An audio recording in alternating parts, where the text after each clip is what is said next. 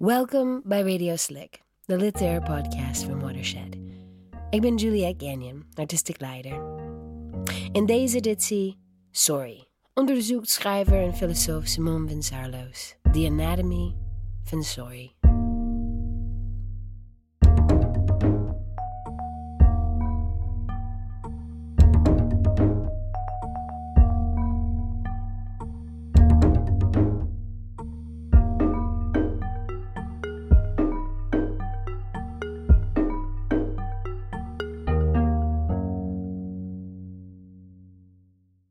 Een van de meest mooiste stories die Simone en ik kennen is die van Patti Smith.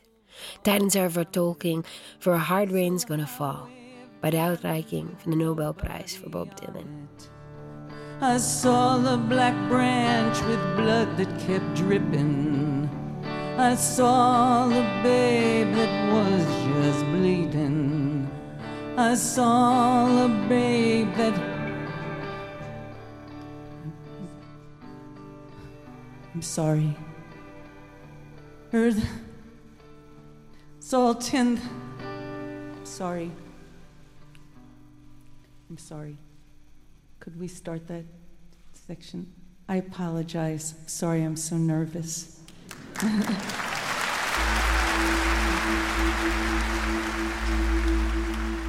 Met een vriendin had ik een sorrypot. We stopten er nooit wat in. Niet omdat we geen sorry zeiden, maar omdat we constant sorry zeiden. Uiteindelijk verbrak ze onze vriendschap. Ik denk omdat we onvoldoende echte sorry's zeiden. De sorry waarbij je elkaar durft te confronteren met een werkelijk verschil in moraal, in ideaal, in wens misschien. Er is geen contact meer tussen mij en die vriendin en ik denk dat het mij vaker is gebeurd. Contact wordt uit de weg gegaan omdat er een verstopping is ontstaan, die we als een dam hebben gezien en niet als een mogelijke waterval.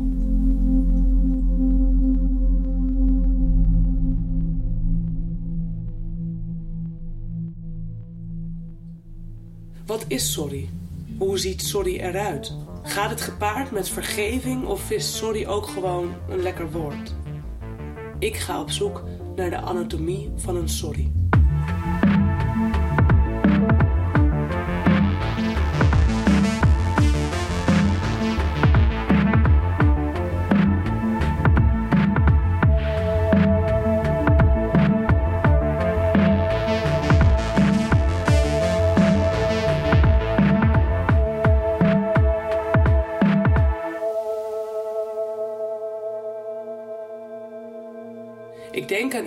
Die mij iets aandeed. Een geliefd iemand. En dat had voor mij concrete financiële gevolgen. Zij deed het omdat ze zelf in het nauw zat. En later zei ze: Ik wil dat je weet dat ik sorry wil zeggen, maar dat het me niet lukt.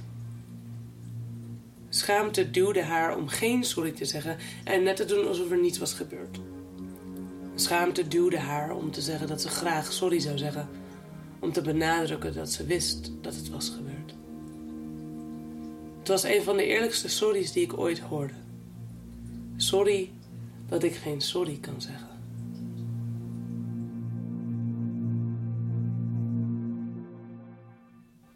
Allereerst, Ja. het spijt me is even nodeloos als ik hoop. Uh, wat bedoel ik daarmee?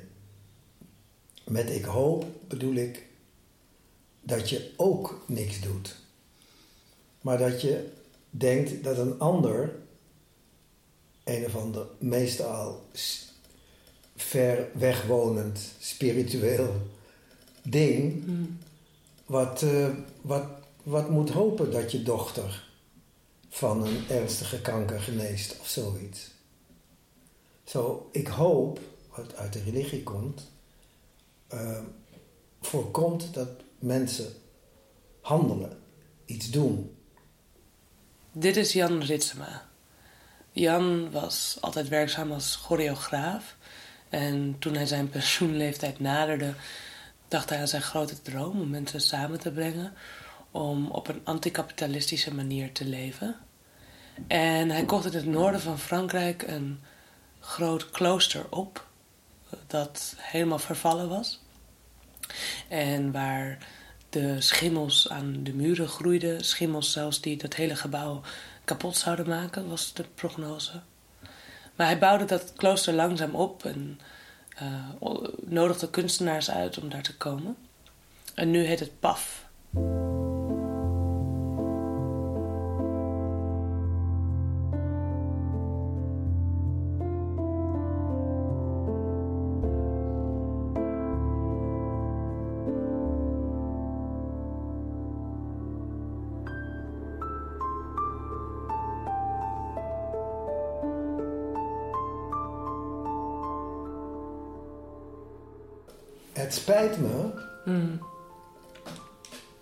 Als je er daarmee van afkomt, dan eh, heb je weinig betaald voor wat je aangedaan hebt.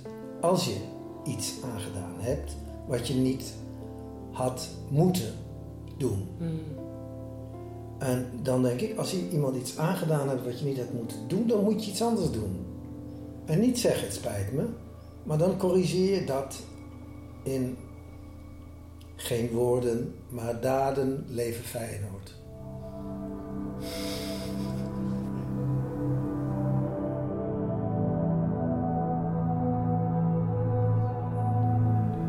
Ik zei altijd tegen mezelf dat de enige manier waarop je echt verandert is via een traumatische ervaring.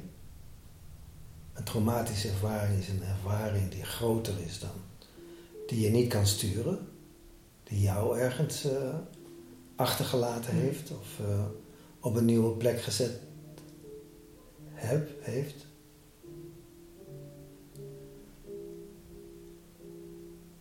Vind je die piano storend, denk je? Dat is oké. Okay. Er wordt ineens piano gespeeld.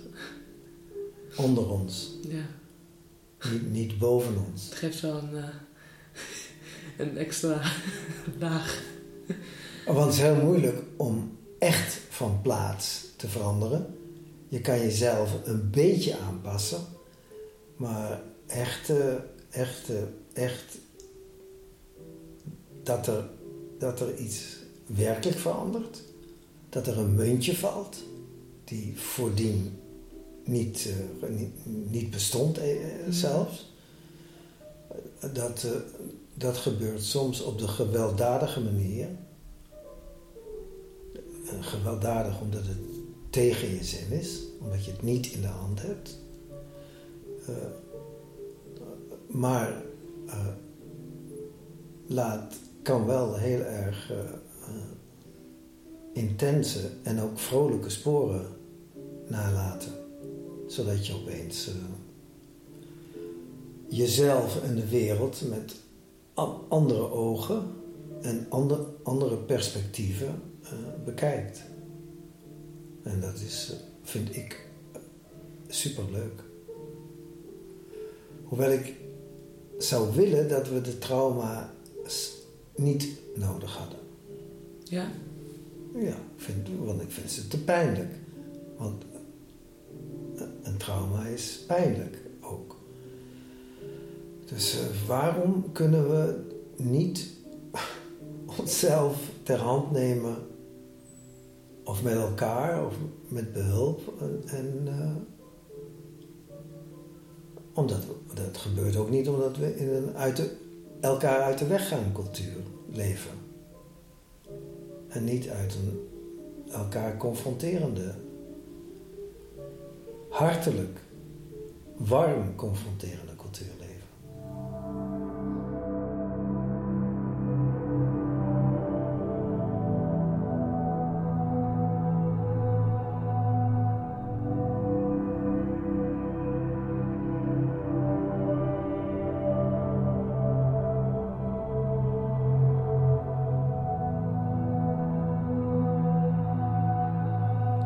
Ik zei altijd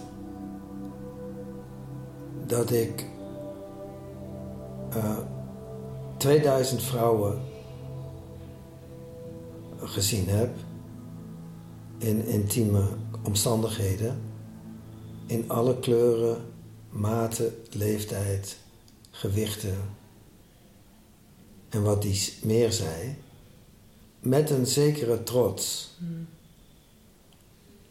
Ik uh, ben ook, of mijn hele leven lang, een versierder. Ik heb daar half een beetje een reden voor, omdat ik eigenlijk, omdat ik zei dat meisjes zijn mijn biotoop. Mijn moeder is overleden toen ik vier was en ik heb alleen maar zussen en in de buurt waren alleen maar meisjes. Dus ik speelde met meisjes en vanaf dat mijn moeder onder, overleden is, had ik verkering. Meisje voor op de autopet, naar haar naar huis autopetten. Dat uh, voerde ik aan als een, verklaring voor mijn uh, verzeergedrag. Maar door MeToo heb ik hem hier ook wel goed geraakt. Bijna traumatisch geraakt. Uh, waardoor, ik het, waardoor ik daar nu, nu volkomen van af ben. Dus waardoor ik die blinde vlekken van dat, dat het een, een spel was, een, een levenslustig spel was, en dat het muntje nu gevallen is. En dat ik daarover heel erg beschaamd ben. Niet in die mate dat ik al die mensen, voor al die mensen moet verontschuldigen. Want het waren heel vaak leuke verhoudingen ook. Wat je dan, uh, uh, maar toch, maar, maar, dat, ik, dat, ik, dat ik pas nu, uh, pas nu zie dat, ik, dat het belachelijk is. En dat ik ook met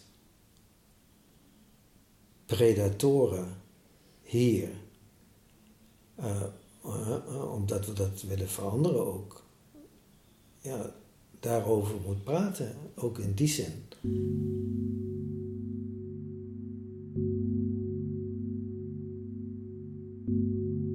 Een tijdje geleden kwamen we in Amsterdam s'avonds samen. Een queer meetup. LGBT meetup. Het was na het Pride Weekend en velen van ons hadden nare ervaringen. Hetero's in pakken met piemels en tieten, piemels en tieten op een pak alsof ze daarmee trans mensen verbeelden. Anderen waren in hun kruis gegrepen of uitgejouwd. En de Oegandese Justine was uit de opvang in Amsterdam gezet omdat ze Pride ging vieren en daarmee uit de kast kwam als lesbienne. En dus een gevaar zou zijn voor de andere vrouwen en kinderen in het huis. Het IND, die haar verblijfstatus bepaalt, achtte haar daarentegen trouwens niet lesbisch genoeg. Sorry, Justine. We kwamen samen en praten over alles wat er was gebeurd. We brandden kaarsen. Er werd gehuild, omhelst en veel ik ook gezegd. Me too, I know what you mean. I've experienced that too. We keken elkaar minutenlang aan, een oefening van therapeut Glenn Helwerg die de meetup leidde. We werden uitgedaagd om elkaars menselijkheid te zien. Om je eigen menselijkheid te zien en ook de vraag: wanneer zie jij andermans menselijkheid niet? Met een groot deel van de aanwezige queers heb ik politieke discussies gevoerd over hoe de wereld te verbeteren, hoe ongelijkheden te bestrijden. Maar deze sessie ging puur over pijn, over de gevoelens waarmee we rondliepen, de agressie en de woede. Meer dan ooit had ik het gevoel een politieke agenda te formuleren. We namen onszelf namelijk als maatstaf en formuleerden zo een passend model voor de maatschappij. We erkenden onze pijn en hielpen elkaar te helen en herwonnen zo het geloof in verandering. Ik realiseerde me hoeveel energie er verloren gaat in het op grote schaal willen bestrijden van structuren en ongelijkheid. In de VS was ik dit soort healing circles al vaker tegengekomen. Samen helen, de pijn voelen die onrecht teweeg brengt. Zonder het voelen van die pijn barsten we uit elkaar. Zonder te voelen komen we niet buiten de strenge kaders die ons vasthouden. In de VS bezigen activisten zich met restauratieve en transformatieve rechtvaardigheid. Een restauratieve kun je bijvoorbeeld denken aan herstelbetaling of um, herstellende uh, methodes om tot rechtvaardigheid te komen in plaats van uh, punishing, dus in plaats van straffende methodes. En transformatieve rechtvaardigheid gaat om het idee dat je iets niet hoeft te kaderen als goed of fout, um, omdat er mogelijkheid is op verandering. En je ziet hier dus weer dat restauratieve en transformatieve rechtvaardigheid zijn beide niet geënt op straffen, maar op het hele van een gemeenschap. Gevangenissen bijvoorbeeld moeten worden gesloten. Isolatie van iemand die een misdrijf pleegt maakt niemand beter. Een gemeenschap kan beter gezamenlijk helen dan dat je een gemeenschap opbreekt in goed en slecht. Transformatieve rechtvaardigheid vraagt om durf en radicale denkstappen en fantasie. Het is ook altijd een risico. Maar het vraagt om een fundamentele verandering van maatschappelijke verbindingen. Zoals activist Mariama Kawa vraagt: Wat als een telefoontje naar 112 geen politie aan de lijn brengt, maar je met de buren verbindt? Wat betekent sorry wanneer criminaliteit minder via protocol dient te worden opgelost? En meer als mensen door mensen onderling? Wat betekent sorry als falen voorop staat als normale manier van doen? In The Queer Art of Failure pleit Jack Halberstam voor de kunst van het falen. Queers, homo's falen omdat ze niet aan het heteronormatieve plaatje voldoen. Zwarte vrouwen falen als vrouw omdat de categorie vrouw niet voor hen is bedacht. Wit is de norm. Een arm iemand faalt in een op winst gerichte en groeigerichte maatschappij. Halberstam laat zien hoe de wereld verandert wanneer je vanuit de zogenaamd falende positie redeneert. Het feit dat er dingen falen moet ons helpen nadenken over het feit dat we een succesgedreven samenleving hebben opgebouwd. Het falen hoort niet gewoon gelaten bij het leven. Het falen is een creatieve kracht die ervoor kan zorgen dat de wereld kantelt. In een winstgerichte maatschappij waarin we een soort vooruitgangsdenken van steeds beter aanhangen, is falen de enige mogelijkheid op het formuleren van alternatieven en het creëren van een radicale omwenteling.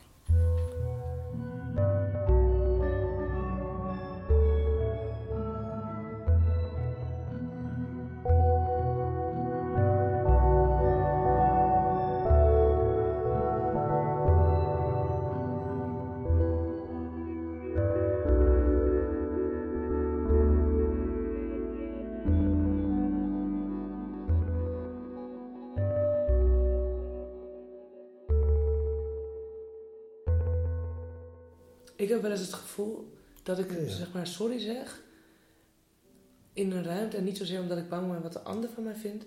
Maar dat ik sorry zeg tegen, ik geloof niet in God, hè, maar tegen de aanwezigheid van alle mogelijkheden. Dus als ik nu zeg maar jouw arm aai, dan kan ik zeg maar sorry zeggen omdat ik denk, oh dat is een rare actie. Maar eigenlijk zeg ik naar mijn inzien sorry naar alle dingen die ik ook zou kunnen doen. En zelfs als ik nu deze zin uitspreek, zeg ik ergens ook al sorry. Omdat dit de zin is die ik uitspreek. Terwijl ik weet, zeg maar vanuit bewustzijn, dat er zoveel dingen mogelijk zijn. En dat er ook nog dingen mogelijk zijn die ik mij niet kan voorstellen. En daar wil ik dan graag sorry tegen, uh, voor zeggen. Ehm, ja, want als je mijn arm aait en je zegt sorry, dan dan, dan hoop je, of je hoopt dat niet, dat ik zeg: absoluut geen sorry. Ga, ga door met Arjen Simone. je kunt niet ver genoeg gaan. sorry als hoop op uitnodiging. Ja, ja, ja. ja, daar is de sorry denk ik ook een soort uh, een opening van, uh, van gesprek. Nou ja, maar dan zeg je wel iets, want daar lijkt het wel bijna alsof het menselijke en het goddelijke verenigt. In de zin dat. ja. Dat, nou ja, want als ik dan, je hebt heel erg gelijk, want ik moet denken aan dat als ik dan, dan zeg ik sorry voor een bepaald gedrag. En dan wil ik inderdaad dat iemand zegt, je kunt niet ver genoeg gaan. Dan heb ik het niet zozeer over seksueel, maar gewoon omdat ik graag zou willen dat je samen in een bewustzijn belandt waarin je allebei voelt dat er nog veel meer mogelijk is dan er op dat moment gebeurt. Graag. Ja. Ja. Ja.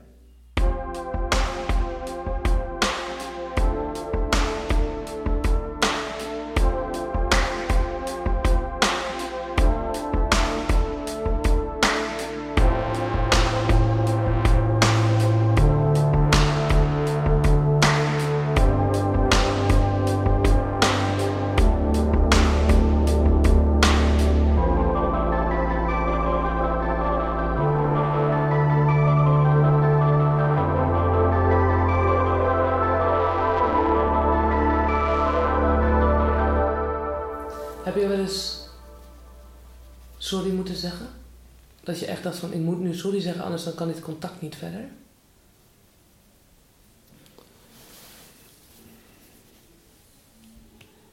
Ja, maar dan noemen we het geen sorry meer, maar schaamte. Ik heb soms wel gedurfd mijn schaamte te erkennen. En ik weet ook dat als ik dat durf, dat dat bevrijdend is. Maar dat het wel, wel een beetje moeilijk is. Omdat je gaat huilen of omdat je ja, je, je, bent, je maakt jezelf een beetje machteloos tegenover de ander. En je, je valt van je paard een beetje. Ik heb wel ge- geleerd dat dat, eh, dat dat heel erg verrijkend is als je dat durft.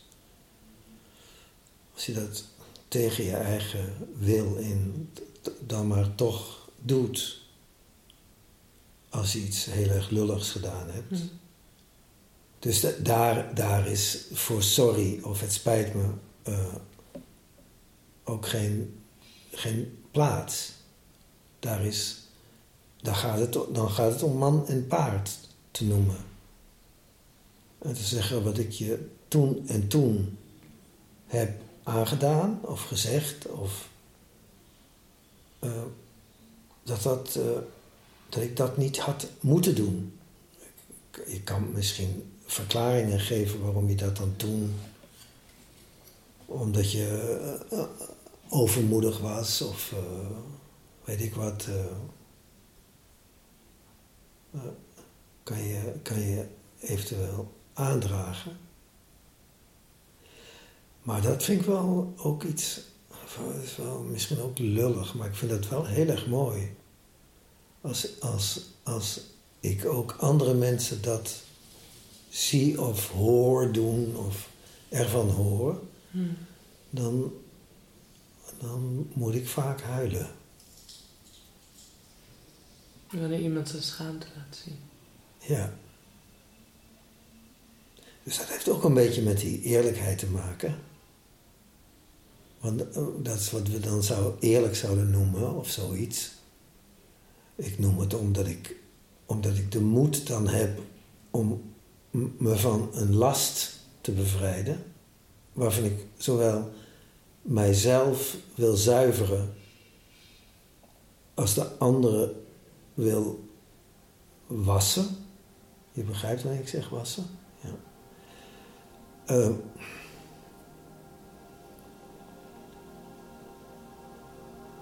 Ja. Ja, zulke dingen kunnen er eigenlijk niet genoeg zijn.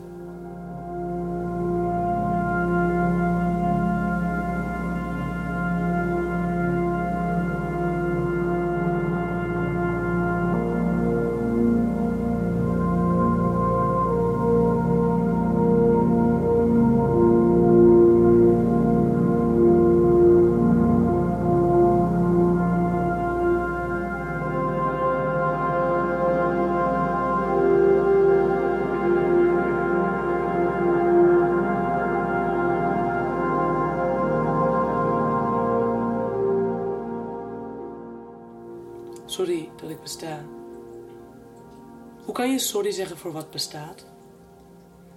Wat bestaat zou de maatstaf moeten zijn. Een norm over wat normaal is dwingt sorry af van alles wat bestaat. Sonja Renee Taylor schreef het boekje The Body is not an apology. The Power of Radical Self-Love. Het lichaam is geen verontschuldiging. De auteur ligt op een bed van bloemen naakt op het omslag van het boek. Radical self-love, radicale zelfliefde, wordt meestal beoefend door mensen die zogenaamd niet standaard mooi, perfect, slank of anderszins normaal zijn. Zij worden niet voortdurend bevestigd in de waarde van hun verschijning. Ze worden vaak zelfs verteld dat ze niets waard zijn.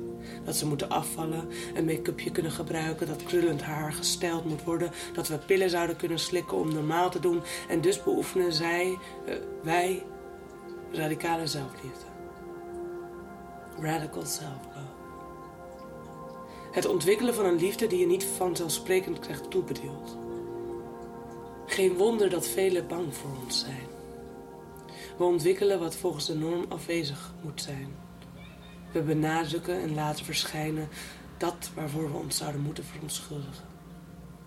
De kracht die daarvan uitgaat.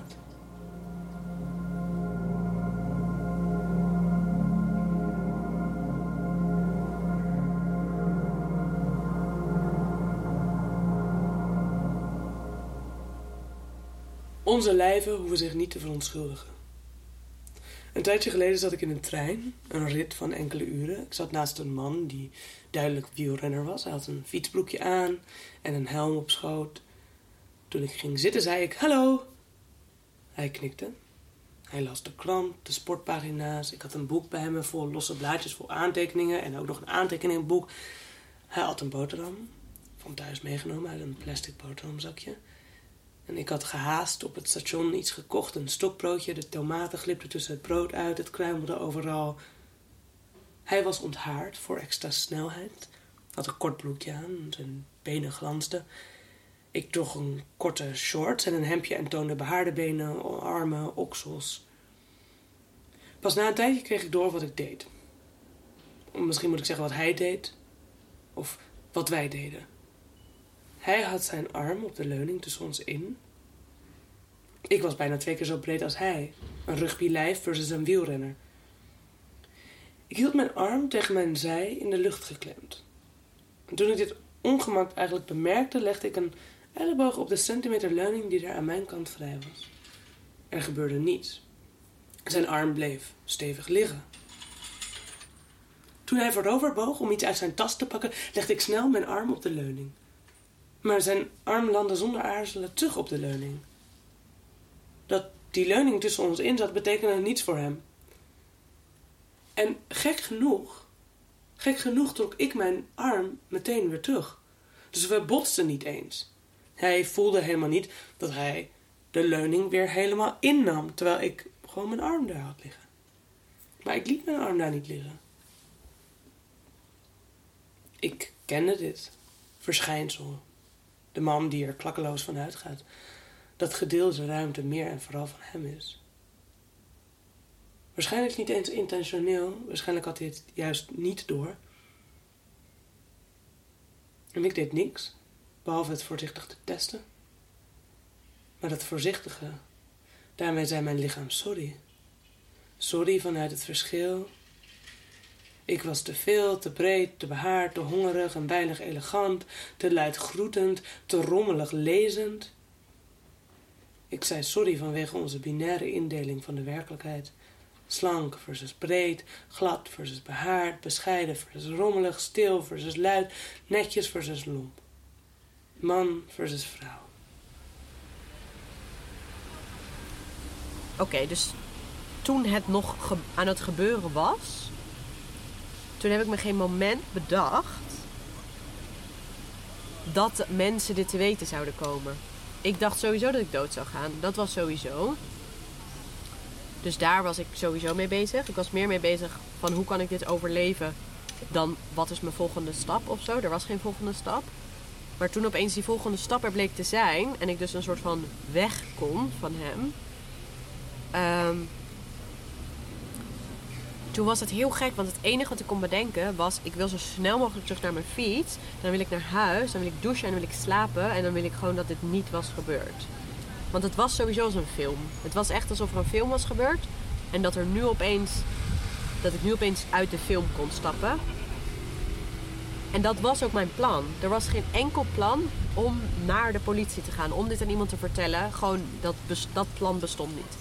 Op het moment dat ik bij mijn fiets kwam, kon ik dus niet bij mijn fiets. Want wat er gebeurde, ik liep, liep, liep, liep, liep. Ik was weer terug op maar de plek waar de fiets lag. En toen was dat allemaal afgezet met rood draad. Met, eh, hoe heet dat, rood van het politielint. En ik bedacht me toen, oh shit, daar moet ik dan onderdoor om mijn fiets te pakken. Dus met mijn hoofd ging ik dus onder dat door om die fiets te pakken. Met het, nog steeds het idee van dan ga ik naar huis. Dus ik pakte die fiets en ik wilde weggaan. En toen kwamen er dus allemaal politiemensen aan. Die zeiden, ben jij die en die? Eh, we zijn naar je op zoek. Eh, dus je moet mee. En toen ging ik dus opeens mee in een auto. En toen zag ik opeens heel veel auto's. En toen zag ik opeens honden. En toen dacht ik opeens, oh mijn god, maar waar ben ik dan nu weer in beland? Emma Berendsen is een theatermaker uit Nederland die in Londen woont en werkt. Daar maakte zij ook de performancevoorstelling Anne Meets Jeffrey. Anne Meets Jeffrey is een voorstelling eh, die ik afgelopen december ehm, heb gepresenteerd voor het eerst. Het is een voorstelling die ik heb gemaakt naar aanleiding van ehm, zowel wat er met mij is gebeurd toen ik 19 was. Toen ben ik verkracht door een jongen die ik destijds niet kende. Ehm, en ik heb hem zeven jaar later weer ontmoet en dat gesprek ook opgenomen. En de voorstelling is deels gebaseerd op dat gesprek wat ik toen met hem heb gehad, maar ook op het onderzoek naar rape culture en het onderzoek naar hoe kun je een voorstelling maken over rape. En dat heb ik samen gedaan ehm, met mijn collega. We hebben samen dat onderzoek opgezocht en dat wordt ook live on stage gepresenteerd. En het werkt eigenlijk toe naar die dialoog. Dus we zijn eigenlijk een uur bezig met het hele onderzoek van hoe maak je een voorstelling over zoiets persoonlijks en hoe vertel je dat in een context die buiten het persoonlijke ook treedt. Want we hebben elkaar natuurlijk wel gezien in die rechtbank. Maar dat was allemaal heel. Dat is een systeem, dat is een instituut waar je komt en daar heb je verder geen dialoog. In principe. En ik wilde heel graag met hem in gesprek gaan, omdat ik dacht. Ja, we hebben toch zo'n nacht. Dat klinkt heel rek, maar we hebben toch een nacht met elkaar doorgemaakt. En dat was, hoe dan ook, of ik dat nou wilde of niet, heel intiem. En ik wilde dat wel een soort van afronden of zo op een bepaalde manier. Ik wilde heel graag dat het een soort van verhaal bleef en dat dat heel erg pijnlijk was en kut. Maar toen ik me meer en meer begon te beseffen dat de wereld om mij heen, die kende hem alleen van dit verhaal en van wat hij mij had aangedaan. Maar ik heb vijf, vier of vijf uur met hem doorgebracht, waarin ik toch met hem samen was. En dat was inderdaad niet gewild en ik was bang en ik wilde daar niet zijn. Maar dat was ook, zeg maar, wij zijn de enige twee die die nacht hebben samen doorgebracht. En ik vond dat van belang om dat niet te ontkennen. Want het ging heel het werd dus de een verhaal en een soort van zwart-wit. Dat is er gebeurd, maar dat dat, dat A, dat ging ik aan niemand vertellen. En dat was ook een soort van alsof dat één ding was. Terwijl hem, zeg maar, die avond was, dat was niet één ding. Het was niet, oh, nu zitten we in dat hok, dat gebeurt er en dan is het weer klaar. Maar dat was een, dat wa- was een heel gelaagde avond. Jezus, klinkt een beetje als een hele rare date, maar ja, zo bijna wel.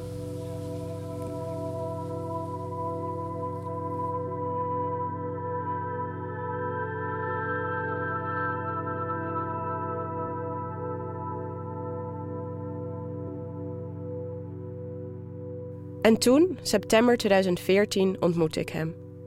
Ik heb hem gezegd dat ik hem niet wilde ontmoeten om hem te vergeven. Ik heb hem op het hart gedrukt dat hij nooit meer zoiets mag doen. Ik heb hem gevraagd waarom hij het heeft gedaan. Ik heb hem gevraagd of hij snapt dat dit niet de manier is om met mensen om te gaan. Ik wilde hem als mens zien. Dat heb ik gezien. Ik heb hem niet vergeven, maar wel naar hem geluisterd. Ik hoop dat ik ergens iets in hem geraakt heb. Ik hoop dat hij in de toekomst nooit meer zoiets zal doen. Ik wilde hem niet aanraken toen ik hem voor het eerst weer zag. Ik trilde en ik was nerveus. Maar net voordat ik weg wilde gaan, voelde ik dat dit mijn kans was om de beslissing tot aanraking te maken. En ik pakte zijn trillende lichaam vast en gaf hem een knuffel. En zei dag. Op de dag van de ontmoeting merkte ik dat ik heel erg zenuwachtig was. Ik had geen idee wat ik eigenlijk wilde zeggen en waarom ik in vredesnaam mezelf deze confrontatie aan wilde doen. Ochtends, toen ik wakker werd, was één ding me heel duidelijk. Ik ging hem niet ontmoeten om hem te vergeven.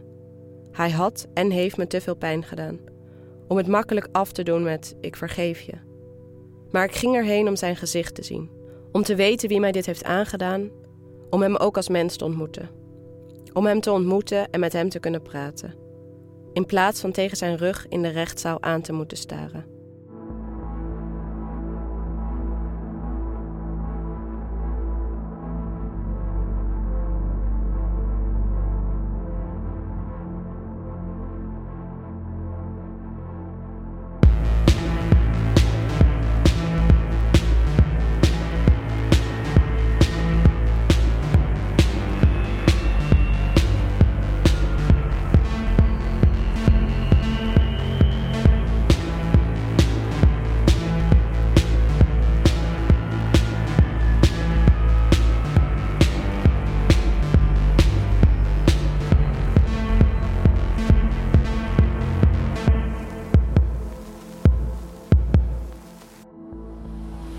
Hem niet echt vergeven. Omdat ik, bij mij het idee van vergeving is dat je dan een soort van zegt: Oké, dat is gebeurd en dat is heel erg. Maar het is nu oké. dus, dan, dus dan is het nu vergeten en vergeven of zo. En ik weet wel dat dat niet helemaal zo is. Want vergeven kan ook gewoon zijn dat je zegt: Dat is gebeurd en we gaan nu allebei verder. Maar ik heb het idee dat ik dat alsnog heb gedaan. Maar zonder hem te vergeven.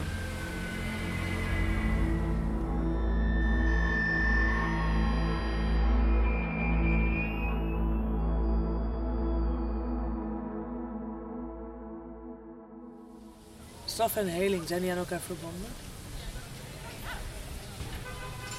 Tot een, tot een bepaalde hoogte, denk ik. Ehm, ik denk bijvoorbeeld dat ik dat gesprek met hem had. Dat is, een, dat is ook vanuit een organisatie die heel erg gelooft in bemiddeling tussen slachtoffers en daders. Dus dat is niet per se restorative justice, maar dat is wel vanuit hetzelfde principe. Mediation, zeg maar. Ehm, en ik denk. Nou, voor mij persoonlijk denk ik wel dat als iemand een bepaalde straf krijgt omdat hij jou iets heeft aangedaan, of zij of het of hen, of ma maakt niet uit. Dat dat je wel een stukje kan helpen doordat je je gehoord voelt. En dat als dat dus niet zo is, dat het dan lijkt alsof jouw verhaal niet waar is. Dat kan ik me wel heel goed voorstellen. Ik denk dat ik er meer input in heb gegeven en meer zijn kant probeer te begrijpen, nog steeds, dan hij die van mij. Want hij vindt zichzelf zielig. Hij vindt het afschuwelijk dat hij dit heeft gedaan, omdat hij nu een moeilijk leven heeft, omdat hij het nu aan iedereen moet uitleggen, omdat hij in de gevangenis heeft gezeten. Om, nou ja, in ieder geval zijn leven is nu allemaal heel moeilijk, want hij heeft dit gedaan. Punt. Maar dat mijn leven ook heel moeilijk is, dat is dan een stap te ver voor hem. Snap je? Ik hoor je bijna zeggen dat begrip belangrijker is dan berouw. Begrip Ja, van jou. ik denk, ik denk in, in deze situatie wel. Ja. Ehm, dus de restauratieve justice, of de restorative justice, transformative justice. Dus waarbij je inderdaad dus niet oog om oog hebt, maar oké, er wordt iets vreselijks gedaan. Hoe kunnen we op zo'n manier reageren dat het vreselijke zich niet herproduceert? Mhm. Is dat iets waar je over na hebt gedacht in context met wat jou is aangedaan? Eh, ja, ik heb daarover nagedacht. En ik heb ook wel. Ik weet nog op een, op een moment dat de politie vroeg een keer aan mij. We zaten in de auto. En toen vroegen ze aan mij van. ehm, ja, wat als jij zeg maar alles zou mogen bepalen? Wat voor straf zou je hem dan willen geven? En ik weet niet meer precies, moet je dan bekennen, ik weet niet precies wat ik heb gezegd. Maar het was in ieder geval een soort van heel berekende straf. Dat hij wel een paar. Ik, ik vond wel dat hij naar de gevangenis moest. Ook omdat ik dacht. Ja, ik weet, ik weet niet precies wat ik toen dacht. Maar ik vond dat wel. Maar dat hoefde niet heel lang. Want ik vond het vooral heel belangrijk dat hij in therapie ging. En dat hij begreep dat hij iets verkeerd had gedaan. En toen, die politie moest bijna een beetje... Die snapte niet dat ik een soort van heel gebalanceerd antwoord toen gaf. En toen zeiden zij zoiets van... Maar je bedoelt, je wil niet gewoon levenslang of ophanging? En dat ik echt dacht... Huh? Maar hij krijgt sowieso geen levenslang, want daarvoor ken ik de wet. En ophanging bestaat niet in Nederland en de doodstraf ook niet. Dus ik snap niet zo goed waar jullie, van, waar jullie dit vandaan hebben. En toen zeiden ze... Ja, maar gewoon als je echt alles mocht willen, zou je dat dan niet willen? En toen nog steeds niet. En ik weet dus niet omdat dat is, omdat ik gewoon al heel erg soort. Nee, ik was niet heel politiek bewust, maar wel bewust genoeg dat ik dacht: ik ben, ah, ik ben tegen de doodstraf. Dus hoe zou, zou ik dan nu mijn mening hebben veranderd en dan opeens wel voor de doodstraf zijn? Snap je wat ik bedoel? Hij, Jeffrey heeft geen sorry gezegd. Maar zou het anders zijn als er meer maatschappelijke sorry's waren met betrekking tot vrouw, geweld tegen vrouwen? Ja, ik denk niet per se maatschappelijke sorry, maar ik denk wel eh, dat het heel belangrijk is, is dat we begrijpen dat er dingen structureel mis zijn. Zoals bijvoorbeeld, ik weet dus even het Nederlandse woord niet, maar victim blaming. Hoe zou je dat vertalen? Uh, slachtoffer, uh, beschuldigingen van slachtoffer? Ja, maar dat is toch geen woord? Ja. Anyway, dat dat zo erg... Zoals, je had een kort rokje aan, je liep over straat laat ja, dat zijn een soort van de stereotypen. Maar het gaat er, dat is nog, zeg maar, dat is nog een soort van voor de hand liggende victim blaming. Maar bijna dat het er zo op gaat dat je je dus moet verantwoorden voor een actie die iemand anders doet. Hoe, hoe bedoel je dat? Nou, dus dat uh, in mijn geval was het dan zeg maar. Nu mag ik echt praise God, the Lord, dat ik best oké okay, uh, politiemensen had. Als in, ik heb best oké okay met, met hen kunnen praten. Maar ik zit dan twee weken lang, moet ik alles uit de kast halen om hen ervan te overtuigen dat dit en dit en dit zo gebeurd is. En dat dat dus. Ja, en gewoon alle vragen dat je denkt: waarom was je daar? Was je dronken? Was je dit? Was je dat? En dat zijn niet per se vragen om, om jou te beschuldigen, maar dat zijn wel vragen die heel erg ingaan op een soort van schuldgevoel binnen mijzelf. Snap je wat ik bedoel? En ik denk dat dat nog steeds heel erg gebeurt. En niet alleen door de politie, maar ook gewoon door de maatschappij. Ik wist met mijn hoofd dat ik het niet had gedaan en dat het ook niet mijn schuld was. Maar ik heb me wel heel lang schuldig gevoeld of zo. En ook ik ga verder niet in detail treden, maar er waren ook wel momenten, zeg maar in de soort van de uren die wij samen hebben doorgebracht, dat ik me schuldig voelde voor bepaalde dingen die ik deed of zei. Of, ehm, en ik kan me wel voorstellen, maar dat is nu echt gokken, dat ik dat ook wel, dat ik ook wel sorry heb gezegd toen. Niet dat ik veel zei, want ik dacht, hoe meer ik praat, hoe gevaarlijker de situatie wordt. Ja, ik denk wel dat ik sorry heb gezegd.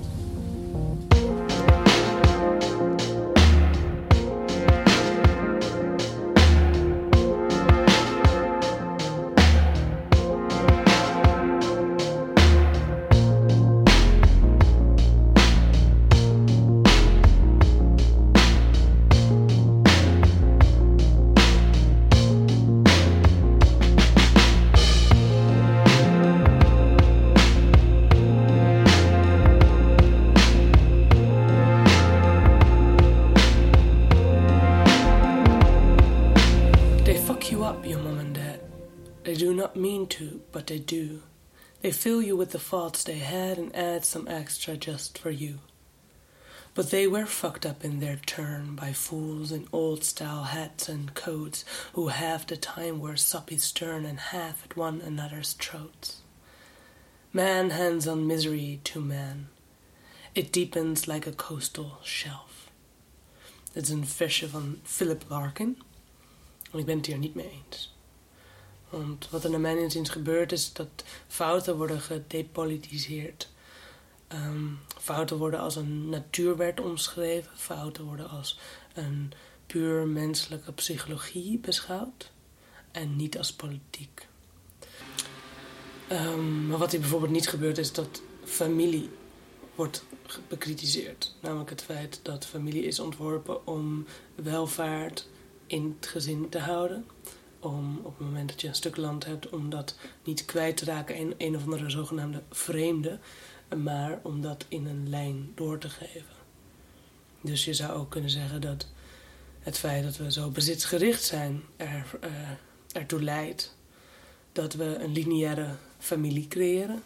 En dat we dus heel duidelijk doorgeven. We geven letterlijk door als in ons erfgoed. En geven daarmee dus ook alle psychologische shit door.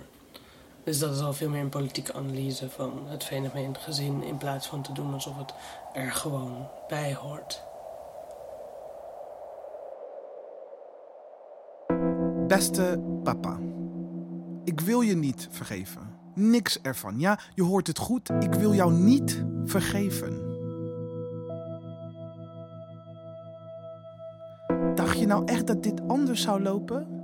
Dat je mij tot vergiffenis kon gebieden? Hoor je je het zelf niet zeggen? Ik wel hoor. Ik hoor de onuitgesproken verdoezelde uitroepteken. Ik hoor de gebiedende syntax in kraakheldere surround sound wanneer je makjes zegt: Vergeef me.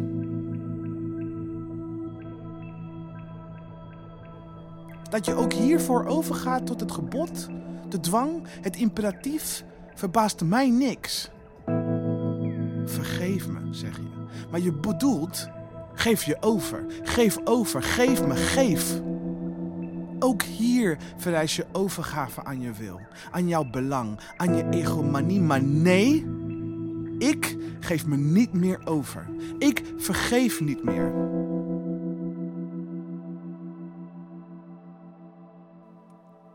Ik weet het. Breek willens en wetens hiermee met het sociale contract, het convenant dat daders het recht geeft op vergiffenis, de ongeschreven verplichting van slachtoffers om absolutie te verlenen. Ik breek ermee, want ook dat is een vorm van geweld. Ik moet er niks van hebben van je gebiedende boetedoening en al haar pretenties. Pretenties dat het een verzoeningsoffer is, dat het een stap richting familiale harmonie is, maar het is een lege offer, papa. Het is een eenzijdige overdracht, een gift van nog eens een stukje van mij aan jou.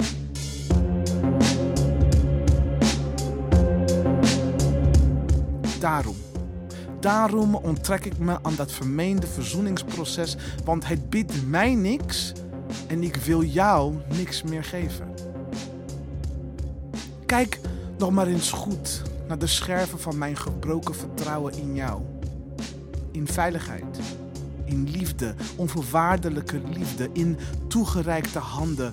Brokken van mijn waardigheid, van mijn recht op geborgenheid, op toebehoren, op troostende lichamen. Alles wat ik je ooit heb gegeven, wat jou toevertrouwd was, heb je stuk geslagen, gebroken en verscheurd.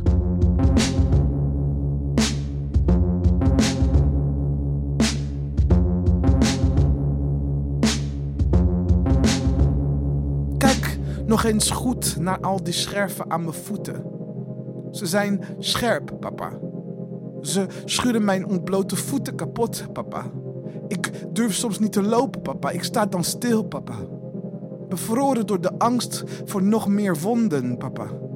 Mijn voeten zijn een en al open wonden, papa. Mijn wonden verlittekenen maar niet.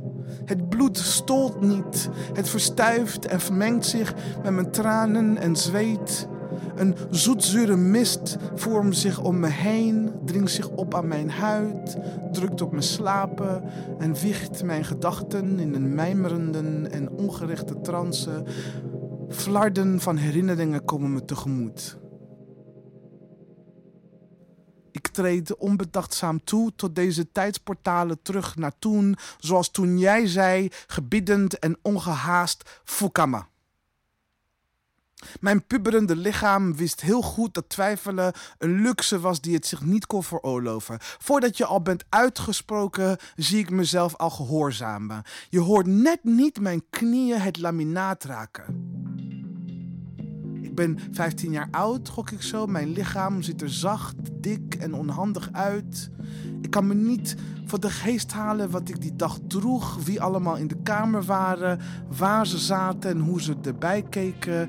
Maar ik kan me wel herinneren dat ik een paar seconden daarvoor, in een zeldzame moment van impulsiviteit, van onberekendheid, dat ik had gezegd: Mama, je ligt.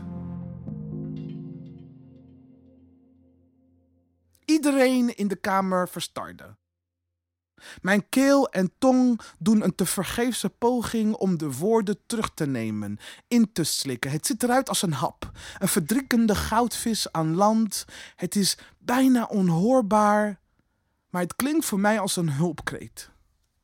De stilte erna is luid.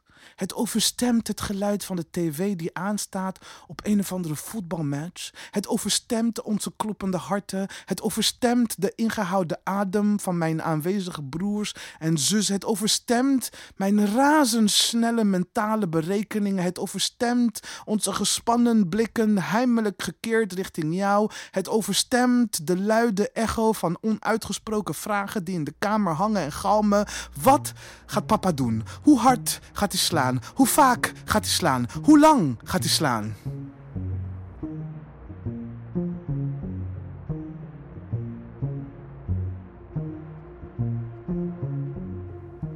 Je eerste gebod, Fukama, kniel, ligt op als een ouderwetse bioscoopvoorgevel en kondigt aan dat de vertoning in ieder geval een stevige portie vernedering zal bevatten. Ik kniel snel en bedenk me dat als ik de verneerderde goed weet te spelen, dat ik misschien nog wel klappen kan voorkomen. De vernedering die komen gaat, moet mij zichtbaar doen lijden. Ik moet dus wel iets van gekrenkte trots tonen, een bepaalde mate van zet, maar niet te veel, want ongehoorzaamheid werkt escalerend bij jou. Ingo, kom hier. Is voor de kenners onder ons een duidelijke aanwijzing dat je van plan bent om je tijd hier mee te nemen. De hoop op een korte vertoning vliegt. De kans op fysiek geweld doemt grote op. Voordat ik op mijn knieën naar je toe begin te bewegen, werp ik een vluchtige blik naar de anderen. Ik probeer er woordeloos iets van onderdrukte woede mee te suggereren. Medelijden proberen op te wekken bij mijn broers of mijn moeder heeft toch geen zin. In dit gezin doen we daar niet aan. Zachtheid is afgunstwaardig en verdacht. Alleen woede, trots en geweld kan respect afdwingen. Ik probeer de ongewilde tranen van angst in mijn ogen om te toveren tot een smeulende vuur. De inspanning van zelfcontrole simuleer ik met een rechte nek en samengeperste kaken. Zwakte is ook een uitnodiging tot geweld. Het legitimeert jouw grijpgrage, losvaste, donderende handen. En knielend kruip ik met rechte rug, slepende voeten hangende armen in onhandige grote stappen naar waar jij en mama zitten. Het voelt als een eeuwigheid. Die afstand van de deur van de woonkamer naar jullie twee zitsbank. Ik kruip langs de roofzuchtige blikken van mijn broers. Ik kom aan bij de dikke Persische tapijt. Ik kom van het harde laminaat af in de streling en zachte omhelzing van dik gesponnen fluweelzachte garen. Ik moet eerst om de glazen salontafel heen. Ik weet beter dan eraan te leunen. En kruip dan langs de nauwe gang tussen de salontafel en de grote lichtbruine lederen bank. Voor nog een paar meters kruip ik met de ene knie op het laminaat en de andere knie op het tapijt. Binnen die paar meters probeer ik te berekenen hoe dichtbij ik moet komen bij jullie bank. Een veilige afstand is de idealiter buiten de rijkwijde van je arm, maar ook niet te ver om over te komen als bang, als een lafaard. Angst is in jouw huishouden ook een uitnodiging tot geweld. Het noodzaakt rectificatie. De lafheid moet immers eruit geslagen worden. Ik kom aan bij jullie, strategisch aan mama's kant van de bank en ik, en ik stop en wacht. Ik wacht op wat er nu komen zal, op het oordeel en vonnis. En je zegt, Sabanyoki Kukonkwe, vraag je moeder om genade. Vragen om genade. Is het per ongeluk dat je het werkwoord sawa gebruikt? Heb je niet liever sega? Heb je niet liever smeek? Bedoel je niet eigenlijk smeek je moeder om genade? Maar ja, toen, toen was je ook al verboden en geboden. Die middag gebood je mijn smeekbeden voor genade.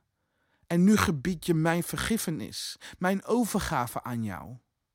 Maar waar is jouw smeekbede aan mij dan? Waarom smeek je niet om mijn genade? Misschien voel je het al wel aan dat ik het je toch niet gunt? Of vraag je daarom niet om genade? Of is het omdat je weet dat ik je geen genade kan verlenen? Dat ik daartoe niet in staat ben, omdat ik ook niet in staat ben om jouw lijden toe te brengen? Om je te straffen? Om je te onderwerpen aan mijn wil? Maar zelfs dan zou ik het je toch niet gunnen. Genade, vergiffenis of absolutie. Er zijn wel meer mensen die ik geen genade gunt hoor. Geen vergiffenis geeft en, op, en of absolutie verleent. Ik vergeef witte mensen niks hoor. Cis-hetero's ook niet. Rijke mensen niet. Europa niet. De politie niet. Premier Rutte niet. Minister Blok niet. Slavenhoudende voorhouders ook niet. Maar ook zeker niet hun geprivilegeerde erfgenamen. En misschien mezelf ook eigenlijk niet. Ik heb mijn spijt en berouw verbannen tot de uithoeken van mijn geest. Spijt en berouw zijn mij te lui, te passief. Ik stel misschien eerder schuld centraal. Ik wil het leren dragen, leren omarmen, leren omzetten naar verantwoordelijkheid. Schuld en verantwoordelijkheid, daar geloof ik wel in. Nou, dat zijn nou emoties die roeren en beroeren, wegen en bewegen. Ze zetten aan tot actie. Ze stropen mouwen op. Ze leiden tot reparatie en noodzaken het herstellen van wat geschonden, verscheurd en gebroken is.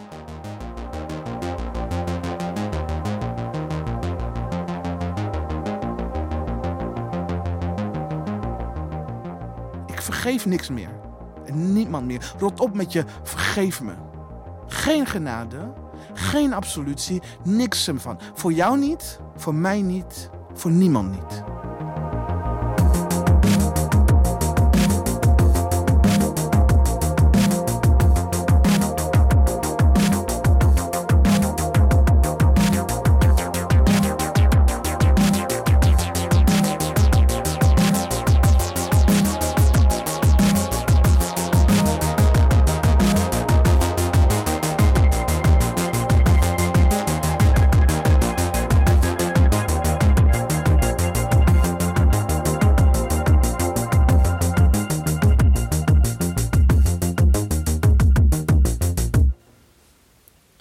Beste sorry is misschien het verbeelden van een totaal nieuwe mogelijkheid. Een andere wereld. Een sorry ontstaat vaak in respons. Het reageert op iets wat gebeurd is, op iets wat dient te worden rechtgezet. De kern van een sorry, misschien wel de ruggengraat om bij de anatomie te blijven, die zit in de bestaande moraal van wat goed en kwaad wordt gevonden. We weten waar we sorry voor moeten zeggen, omdat we weten wat goed en kwaad is. En door dat te weten houden we dat goed en kwaad, die indeling van goed en kwaad, misschien ook wel soms erg in stand. Onlangs schreef ik een toneelstuk over een interraciaal stel. Zij is wit en hij is zwart.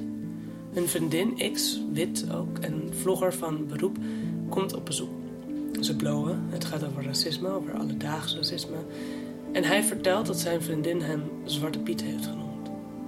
Eerst lijkt het om een grapje te gaan. Maar zijn vriendin ontkent. Dat kan niet waar zijn, dat zou ik nooit, nooit doen. En juist omdat zij luidkeels ontkent, wordt het verdacht. Ze vraagt zich hardop af hoe ze zich verdedigen kan tegen iets wat volgens haar absoluut onwaar is. Haar vriend zegt dan het onmogelijk achten. Als ze het onmogelijk had geacht hem Zwarte Piet te noemen, zou ze zich überhaupt niet verdedigen. Dan zou het zo absurd zijn dat ze niets hoefde te zeggen. Dit is geen pleidooi van mij voor ontkenning. Ontkenning betekent dat wat je mogelijk acht weg probeert te moffelen. Iets niet mogelijk achten gaat dieper. Het betekent het verbeelden van een wereld waarin andere waarden gelden, waarin andere handelingen en woorden bestaan. Misschien is dat de mooiste sorry. De sorry die niet reageert. Niet het spijt me dat ik dat en dat heb gedaan, om daarmee de bekende moraal te erkennen van wat goed is en wat fout. De sorry die niet reageert is de sorry die het verkeerde onmogelijk acht. De sorry die wordt geuit middels de verbeelding. De verbeelding die een andere wereld formuleert, waarin de misstand überhaupt niet kan bestaan.